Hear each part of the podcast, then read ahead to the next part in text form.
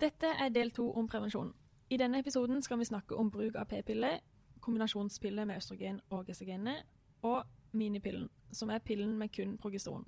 I del tre vil vi snakke om p-stav, spiral og p-sprøyte, og litt om hormonfrie alternativer.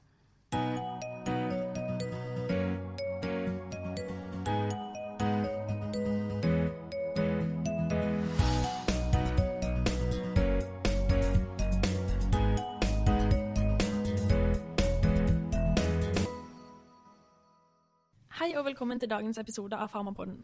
I forrige episode snakka vi om virkningsmekanismene til de ulike prevensjonsmidlene, og hvordan østrogen og gestagen virker antikonseptivt. I denne episoden skal vi se mer på den kliniske bruken av prevensjonsmidler. Og i en jungel av forskjellige muligheter skal du, Anne Flem Jacobsen, guide oss gjennom dette. Velkommen. Vil du aller først fortelle litt om deg sjøl? Tusen takk for invitasjonen. Veldig hyggelig å få lov til å være med på noe annerledes enn det jeg driver med til daglig, nemlig lage podkast. Jeg er gynekolog og jobber på fødeavdelingen på OUS og på Ullevål, hvor vi har 7000 fødsler om dagen. Og så er jeg professor i gynekologi og fødselshjelp og holder bl.a. forelesning om eh, prevensjon. Ja, der har vi jo møtt deg. Eh, Vi skal i dag snakke om bruken av de forskjellige prevensjonsmidlene. Men hva er egentlig den hyppigste brukte? Vi vet vel ikke sikkert hva som er det hyppigste mm, brukte, men vi har eh, mange forskjellige. Og det er enten p-piller eller minipiller eller eh, spiraler med og uten eh, hormoner. Og så har vi naturlige prevensjonsmidler som eh, kondomer og avhopp og en del andre ting. Ja, og Hva som er mest brukt i Norge per i dag, er jeg faktisk ikke sikker på. Men det ser ut som de prevensjonsmidler som har lang virkning, altså eh, spiral eller eh, implantat, er det som øker eh, mest. Ja, ikke sant? Vi skal snakke mer om eh, disse etterpå. Men først, jeg ønsker om å ikke bli gravid eneste indikasjon eller årsak til å sette pasienter på prevensjonsmidler? Nei, det finnes faktisk andre gode grunner for å bruke prevensjonsmidler. og Det er jo da først og fremst de hormonelle prevensjonsmidlene. Og eh, årsaker til at man ønsker, bruker det, er enten at man har store blødninger, så det kan redusere blødninger, eller man kan bli helt blødningsfri. Eller hvis man har mye smerter, vil ofte hormonell prevensjon hjelpe. Eller hvis man har veldig uregelmessige blødninger, så vil man også kunne få hjelp via hormonelle prevensjonsmidler. Vi snakka med farmasøyt eh, Kjetil Wessel Andresen i en tidligere episode, og han eh, fortalte om hvordan hormonell prevensjon virker. Altså hvordan østrogen og gestagener har en preventiv effekt. Og at de kan brukes i kombinasjon eller kun gestagener alene. Hva er vanligst brukt av de to? P-pillen er jo den som har eksistert uh, lengst, og den brukes fortsatt i stor grad. Altså den kombinasjonen av gestagen og østrogen. Men minipillen, som er bare gestagener, er i stadig økende bruk. Og så er det litt avhengig av om man er ung eller eldre prevensjonsgruppe. Men fordi at den minipillen eller bare gestagenpillen har færre alvorlige bivirkninger, så øker nok den mest. Mm. Og så er det sånn at man ikke kun kan gå på østrogener alene. Hvorfor det? Altså, Rene østrogener alene vil nok uh, ikke hemme eggløsningen og kan gi uh, dysplasier eller så kraftig stimulering av slimhinne at du faktisk kan, uh, kan få celleforandringen i livmora. så Derfor så kan du ikke bruke rent østrogen alene. Det brukes aldri alene i behandling, eller? Man må alltid gå på noe annet? Som prevensjonsmiddel det, brukes det aldri alene. Rent østrogen kan brukes hvis man har fjerna livmora si som hormontillegg etter overgangsalder, men, men, ikke som prevensjonsmiddel. Hvis vi begynner med kombinasjonspreparater, kan du fortelle litt om de, og hvordan de administreres? Ja, Når det gjelder kombinasjonspreparat, så har vi piller, eller du kan få det som plaster, eller som vaginalring som settes opp i skjeden.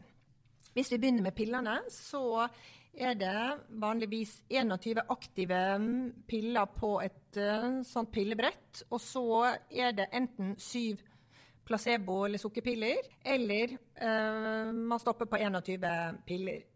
Mange, mange p-piller kommer i en uh, normaldose eller litt høyere dose, og en uh, lavere um, dose. Og da er det av, litt avhengig av uh, hvordan man responderer på bruken av det, med hvilken dose man, man får. Og bivirkningene, eller de alvorlige bivirkningene, er nok større på den høye dosen enn på den lave dosen, men det er stort sett relativt likt. Ok, Men når du sier da at man skal starte på høydose eller lavdose, det er én pille? Det er ikke sånn at man må ta flere piller for å få en høyere dose? eller noe sånt? Nei, det er helt riktig. Det er, det en, pille. Det, du har f.eks.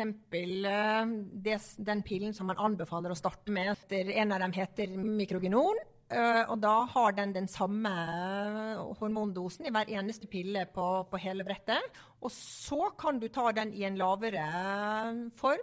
Den heter Loette, og da er det bare litt mindre både østrogen og gestagen i selve den pillen. Og da er det den pillen du tar um, hele tiden. Vi har også hørt om at det er noe som heter for monofasisk uh, versus sekvens. Kan du si litt om det? Ja, De fleste piller i dag, p-piller i dag er monofasiske. Vil si at de inneholder akkurat like mye hormoner i hver eneste um, pille på hele brettet. Tidligere så fantes det mange preparater som var sekvensielle. Dvs. Si at de hadde litt ulikt hormonnivå, altså første ti dagene, de neste syv og de siste fem. Men det er det bare et par p-piller i dag som uh, har. det er egentlig ikke så store fordeler ved å bruke sekvenspreparatet, men det er noen som som kanskje har det bedre på dem enn på den monofasiske. Men de aller fleste bruker monofasiske. Og hvis man skal bruke p-piller i såkalt lang syklus, dvs. Si at man ikke har opphold mellom hver treukersperiode, men fortsetter i um, to måneder, tre måneder, fire måneder, seks måneder, så må du bruke den monofasiske. For de uh, sekvensielle vil ikke kunne brukes som lang syklus p-pille. Det gir jo egentlig ganske mye mening. Mm. Du nevnte også plaster. Ja.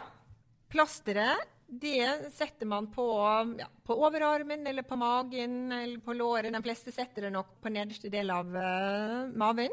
Og det frisetter uh, hormoner uh, jevnlig, og så skifter du det én gang per uke. Og hvis man ønsker regelmessige blødninger, så har man da én ukes opphold etter tre uker, og så starter man på igjen. Og hvis man ønsker å ta det kontinuerlig, så bare skifter man et plaster i uka til man ønsker en blødning, eller til man en, begynner å få en spottblødning på selve plasteret. Da er det lurt å slutte uh, å ha et opphold på fire til syv dager før man setter på et nytt plaster. For da, hvis ikke, så vil man få disse småblødningene til man egentlig har en menstruasjon. Noen vil jo si at det er farlig, eller ikke, man ikke bør hoppe over blødninga, for det er kvinnens naturlige syklus. Hva tenker du om det? Ja, jeg skjønner jo at man kan tenke seg det, men det er jo egentlig ikke naturlig å ha disse menstruasjonene. Hvis man går tilbake igjen i tid, så var jo kvinner enten gravide, da hadde de ikke menstruasjoner, eller så amma dem, og da hadde de heller ikke menstruasjoner. Og når de fikk menstruasjon igjen, så ble de ofte gravid, så det naturlige er vel kanskje like mye å ikke ha menstruasjoner. Så det å ha menstruasjoner en gang i måneden eh, er nok noe vi tror er normalt eller veldig fysiologisk, men, eh, men, det er ikke sånn at eh, man må ha det for, eh, for at kroppen skal fungere senere. Og det er ikke vist at det å gå på lang syklus gir noe dårligere mulighet for graviditet senere. Det er akkurat like gode muligheter for å bli um, gravid. Poenget er jo at altså, dette blodet blir jo ikke værende inn i livmora eller forsvinner inn i kroppen din. Det er jo bare det at du ikke produserer disse slimhinnene som skal avstøttes. Ikke sant. Da har du nevnt piller og plaster som eh, virker mer systemisk. Da. Tenker jeg Vaginalring kanskje mer lokal virkning? Veldig bra at du spør om det. For den virker ja lokalt, men den virker også like mye systemisk. Den, eh, den, settes inn lokalt, så kan den ligge inn eller den skal ligge inn i tre uker. Så da har du sikker prevensjon i tre uker. Og hvis du da ønsker en menstruasjon, så tar du den ut og har et opphold på en uke. Eller du kan sette inn en ny ring direkte hvis du ønsker å ha en, um, en lang syklus uten um, blødning. Det som er viktig, er nok at både p-pille, plaster og vaginalring gir økt risiko for blodpropp hvis man er disponert for blodpropp. Det er ikke sånn at den vaginalringen har lavere risiko. De har nokså lik eh, risiko, bortsett fra at p-pille av såkalt annen generasjon er den som har lavest risiko for, for blodpropp, og som um, anbefales. Og så kan det virke litt underlig at det er andre generasjon som da kanskje er den, en av de eldste p-pillene som har lavest risiko for blodpropp. Men um, Ofte er det sånn at når man tester ut en, eh, et medikament, så ikke alle, finner ikke man alle bivirkningene på i studier, mens når man slipper det på markedet og det brukes på millioner av kvinner, så vil de alvorlige bivirkningene komme opp. Og eh, den såkalte tredje- og fjerde generasjons eh, p-pillen har nå, vet vi, litt høyere risiko for blodpropp. Ja, det var da de tre preparatene som finnes som kombinasjonspreparater, altså p-pille, plaster og vaginalring. Men vi må snakke litt mer om p-piller, for en p-pille er jo ikke bare en p-pille. Blant annet nevnte du at vi har ulike generasjoner, og at de har litt ulike risiko for trombose osv. Men når er det man velger hvilken generasjon, og kan du fortelle litt mer om det? Ja, hvis, altså hvis du kommer og skal ha p-pille for, um, for, første gang, så må man jo forhøre seg litt om hva er, hva er det viktigste for deg? Og er dette en ung, slank kvinne som ikke røyker, og som klarer å ta piller regelmessig, så vil man i utgangspunktet velge andre generasjon nettopp fordi at den har den laveste risikoen for um, for blodpropp. Så helsemyndighetene anbefaler andre generasjon som det første valget. Hvis du imidlertid har en kvinne som syns det er veldig vanskelig å ta denne pillen regelmessig hver dag, så kan det hende at vaginalringen som skiftes bare hver uh, tredje uke, er lettere å huske. Men vaginalringen har faktisk litt høyere risiko for blodpropp enn uh, en andre generasjons uh, p-pille. Hvis man starter på en andre generasjons p-pille, og så kjenner at dette fungerer ikke for meg. Enten fordi man har litt uh, humørsvingninger, eller man får hodepine, eller man får noen blødninger som man ikke er fornøyd med. Så kan man forsøke en annen pille. Eventuelt et plaster eller en vaginalring. Men um, da skal man altså da informere om at det kan være litt høyere risiko for uh, blodpropp. Ja, ikke sant. Hvis du sliter med blødningsforstyrrelse eller andre bivirkninger, så kan du gå på en høyere generasjon? Eh, ikke nødvendigvis høyere generasjon, men det kan hende at du kan bytte, altså du kan bytte til en annen eh, p-pille. Altså Ofte så vil man starte med den andre generasjons p-pille med den laveste dosen. Hvis du på den laveste dosen får eh, blødningsforstyrrelser, så vil jeg prøve den høyere doserte andre generasjon. Ja. Hvis du ikke trives på den, eller noe, altså hvis du føler at du f.eks. legger på det litt eh, eller har noen andre bivirkninger som du lurer på kan skyldes p-pillen, og du fortsatt ønsker å bruke p-pille, så kan du forsøke um, noe annet. Du skal bare vite hva som er risikoen og hva som er fordelen og ulempen ved å bruke de ulike p-pillene. Ja, jeg skjønner. Jeg har hørt om noen som går på Diane. Hva slags p-pille er det? Diane er jo en p-pille som um, primært brukes av kvinner som har mye plager med um, kviser. Den har uh, såkalt antiandrogen um, effekt, og den har ofte en veldig, veldig god effekt på kvinner med mye kviser eller uh, akne. Men den har også den høyeste risikoen for blodpropp, altså en syv ganger økt risiko for blodpropp, i motsetning til en andre generasjons p-piller som har to til tre ganger økt risiko. Hvis du da har en kvinne som har mye kviser, som ønsker seg eh, Diane Hun er 20 eller 25 um, år, hun er slank og røyker ikke. Så er jo utgangsrisikoen hennes såpass lav. Altså én på 10 000 vil få blodpropp, og en syv ganger økning da vil ikke være så veldig høy. Men allikevel, du må bare informere pasientene dine om at det er en økt risiko, og det er den prisen du betaler ved å bruke um, Diane. Det vi ser, er at de som har begynt på Diane fordi at de da har eh, problemer med huden, ikke vil slippe den pillen fordi at den fungerer veldig, veldig um, godt. Men i en del land så er Diane tatt av som prevensjonsmiddel. Den brukes rett og slett bare på, på akneindikasjon, fordi man da har sett at den har en god del høyere risiko for blodpropp. Ja, ikke sant. Er det noen sånn grense for hvor lenge man burde gå på den, eller er risikoen like stor?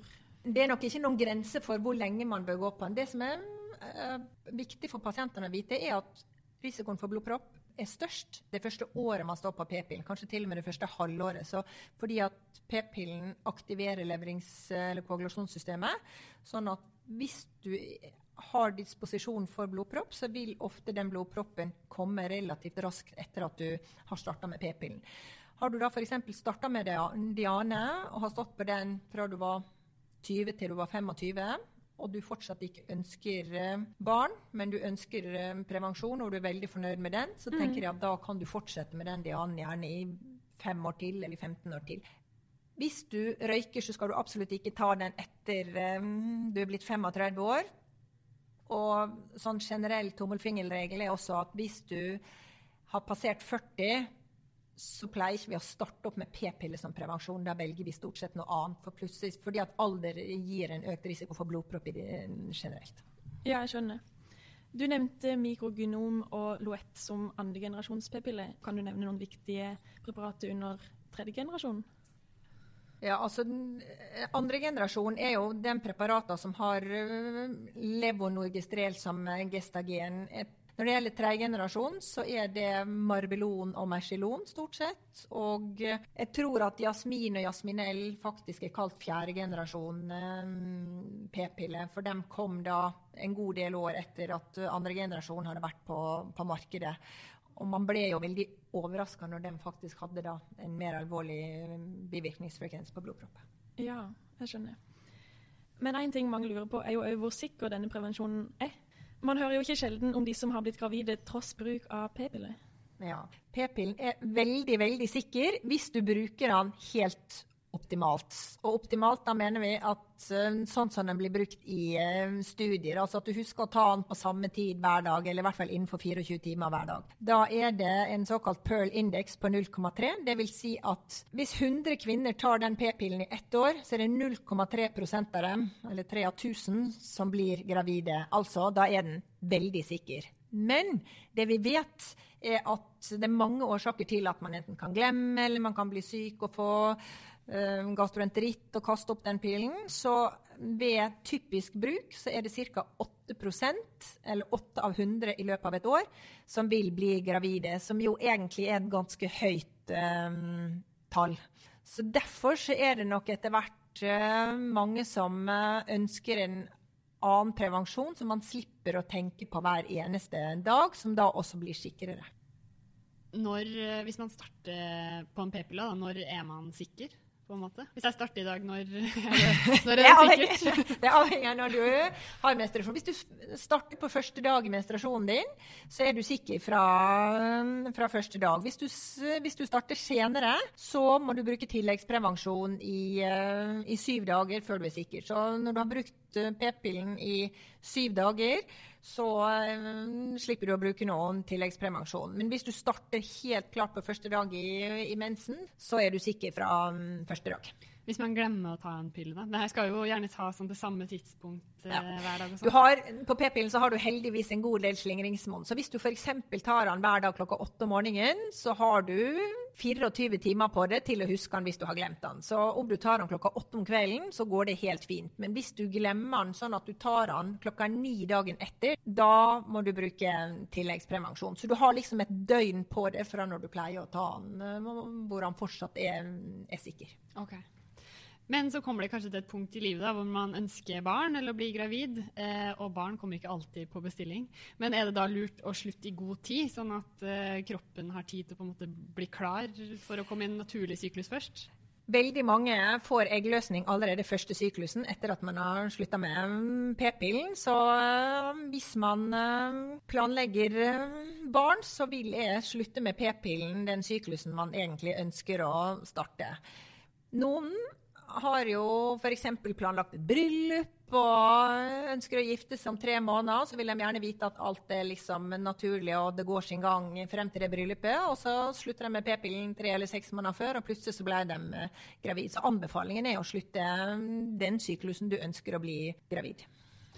Du har nevnt litt om eh, bivirkninger og sånn, men hvis du skal oppsummere litt, da, hvilke bivirkninger, spesielle bivirkninger har spesielt kombinasjonspreparater?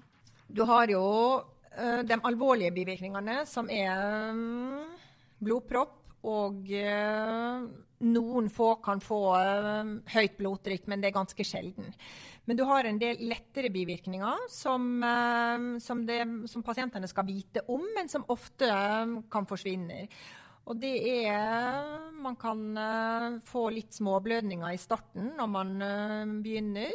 Noen um, vil kunne få litt hodepine, og noen vil kunne få litt humørsvingninger. Og noen ganske få vil også kunne bli faktisk deprimerte. Alle hormonpreparater ser ut til å kunne påvirke psyken eller humøret hos noen, men det er slett ikke alle. Og så er det jo noen som er veldig redd for å legge på seg. Studier har ikke vist at man legger på seg, men det betyr likevel ikke at noen kan legge på seg av noen piller, og kanskje fungere bedre på andre piller. Men mange av disse litt lette bivirkningene vil gå over etter tre til fire måneders bruk, så vi pleier ofte å anbefale dem å holde ut en stund og se. Men hvis man etter tre til seks måneder fortsatt har eh, disse lette bivirkningene, så bør man eh, skifte eller eh, ja, fortrinnsvis skifte, eventuelt slutte hvis man ikke syns det fungerer. Noen har jo også andre sykdommer, eller en sykdom som heter trombofili. Da. Du kan kanskje fortelle litt mer om ja. det? Trombofili er jo egentlig bare en genetisk eh, disposisjon for blodpropp. Og 10-15% av den norske befolkning går rundt med en eller annen disponerende faktor. Og 7% har det vi kaller for heterozygot faktor 5-leiden. Det er ikke sånn at det er anbefalt å skrine for eh, trombofili ved oppstart av p-pille, men det som er anbefalt, og som er viktig, er at hvis du har en familie hvor det er opphopning av eh, blodpropp, og hvor man vet at det f.eks. er en trombofili, så kan man vurdere om man vil teste seg for den trombofilien. Fordi at uh, hvis man har en tung familiehistorie på blodpropp, og man selv har en trombofili, ja, da kan det være at du skal velge noe annet enn uh, p-pille. Men det er ikke anbefalt å skrine for uh, dromofilier. Ok. Så igjen vet vi at uh, anamnese er viktig. De med familieanamnese på blodpropp skal jo helst velge noe annet. Men er det andre kvinner som ikke kan bruke de her kombinasjonspreparatene? De kvinner som har høyt blodtrykk, eller som har aktiv eh, brystkreft, eller som har hatt arteriell trombose eller slag, bør eh, ikke bruke p-pille. I tillegg, så Hvis du har migrene med aura, så skal man også være veldig forsiktig med p-pille, fordi at den gir en økt risiko for, eh, for arteriell trombose eller um, slag. Og dem som er epileptikere, der finnes det noen medikamenter, eh, eller antiepileptika, som faktisk kan påvirke p-pillen, og vice versa, sånn at du får en dårligere effekt av eh, p-pillen. Så da bør man, bør man antageligvis bruke noe annet. Hvor raskt kan man starte opp på det her etter fødsel? Når det gjelder p-piller, så bør man ikke starte opp før det har gått eh, minimum seks uker. og Det er fordi tromboserisikoen i forbindelse med svangerskap og fødsel har tilnærmet normalisert seg etter uh, seks uker. Men de første fire til seks ukene etter fødsel har man faktisk en ganske høy risiko for uh, trombose. Så seks uker etter fødsel er det tidligste man kan starte med um, p-pille. Er det noe grense eller øvre grense for vekt? Man, hvis man er veldig overvektig, at det er for risikabelt, om man kan si det sånn? Ja, altså hvis du har en høy eh, BMI, og da altså over, i hvert fall over 35, så kan man godt vurdere eh, noe annet enn en kombinasjonspillen. Da vil man med fordel eh, anbefale minipillen eller et preparat med bare gestagener, eventuelt da spiral eller implantat. Og så syns jeg jeg har hørt at hvis man har brystkreft, så er det ikke noe særlig å gå på det her. Det er riktig. Hvis du har brystkreft, så bør du egentlig ikke bruke hormonelle preparater eh, i det hele tatt. Kreftlegene er jo ikke noe glad for uh, verken p-pille eller minipille når man har uh, kreft. Hvis du har hatt brystkreft for veldig lenge siden, og den ikke er hormonsensitiv, kan det hende at du kan bruke en minipille eller en hormonspiral, men ofte så ender man da opp med prevensjon uten hormoner. Men altså, studier viser ikke at p-piller gir eller øker risikoen for brystkreft nødvendigvis. Men det er litt øh, tvetydige øh, resultater av disse studiene. Men øh, i utgangspunktet så sier vi at p-piller øker ikke risiko for brystkreft.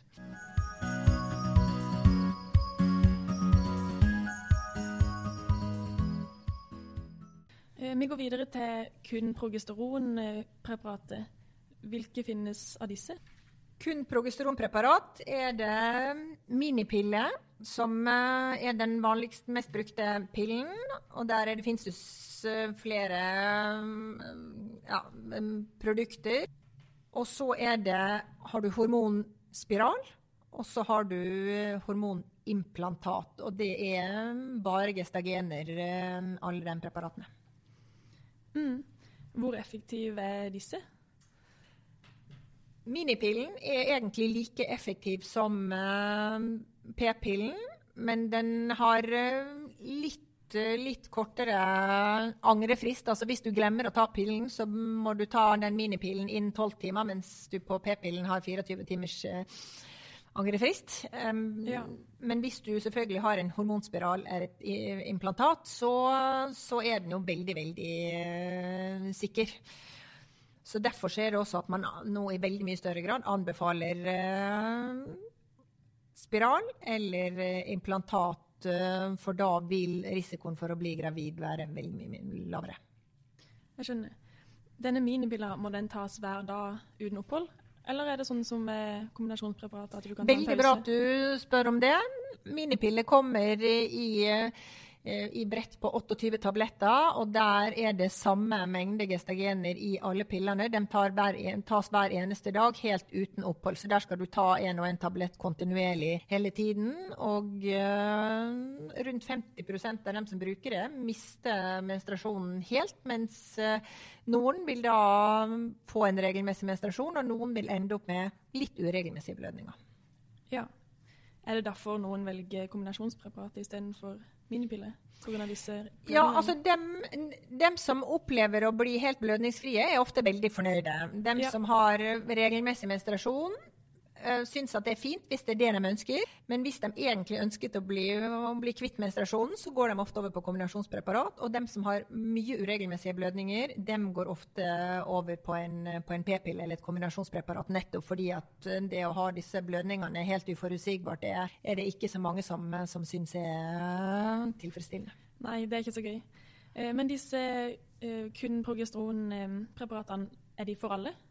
Kun gestagenpreparat eller minipille hormonspiral kan egentlig brukes av uh, alle, bortsett fra dem som har aktiv uh, brystkreft. Altså, dem er nok ikke anbefalt uh, hormonpreparater i det hele tatt. Men har du hatt blodpropp f.eks., så kan du bruke minipille eller hormonspiral. Hvis du har en aktiv pågående blodpropp, så uh, altså, så lenge du står på behandling for din blodpropp, så kan du faktisk bruke minipille. og da, ja. For de her da, med bare progesteron, hvilke bivirkninger ser man av de? Man ser litt av de samme bivirkningene som på, på p-pillen. Noen får altså uregelmessige blødninger. Noen kan få litt sånn ømhet i brystene. Noen kan legge på seg litt. Noen kan få litt hodepine, og noen kan få eh, litt uh, svingninger i humøret, og i verste fall uh, depresjon. Det jeg glemte å nevne med p-pillen i sted, er også at noen merker at det faktisk påvirker libido eller sexlysten. Det kan både minipillen og p-pillen uh, påvirke. Så hvis man merker det, så må man eventuelt forsøke noe annet og se om det fungerer annerledes. Fordi det er vi, vi reagerer nok litt forskjellig på ulike hormoner. Mm. Men det er ingen sånn veldig alvorlige bivirkninger ved de her? Nei. Altså Minipillen eller ren gestagenpreparater har ingen alvorlige bivirkninger. Dvs. Si den gir ikke økt risiko for blodpropp. så Derfor så er det jo ofte at det er et et førstevalg for veldig mange. For da slipper man i hvert fall den uh, risikoen eller den engstelsen for at man skal få um, blodpropp. Det var én ting jeg glemte å nevne når det gjelder blodpropp. og det er Når vi snakker om familiehistorie, så snakker vi om førstegradsslektning. Altså mor, far, søster eller bror. Har du en fetter eller kusine eller bestemor som har hatt en blodpropp, så er det ikke som familieanamnese å regne. Det må være sånn førstegradsslektning? Det er førstegradsslektning som er familieanamnese. Og så sier vi også at egentlig førstegradsslektning med blodpropp før fylte 50 eller kanskje 60 år. Så har du en uh, mor eller far som er 65 år og har hatt en blodpropp uh, 62 år gammel, ja, da gjelder ikke det. Nei. Ikke sant.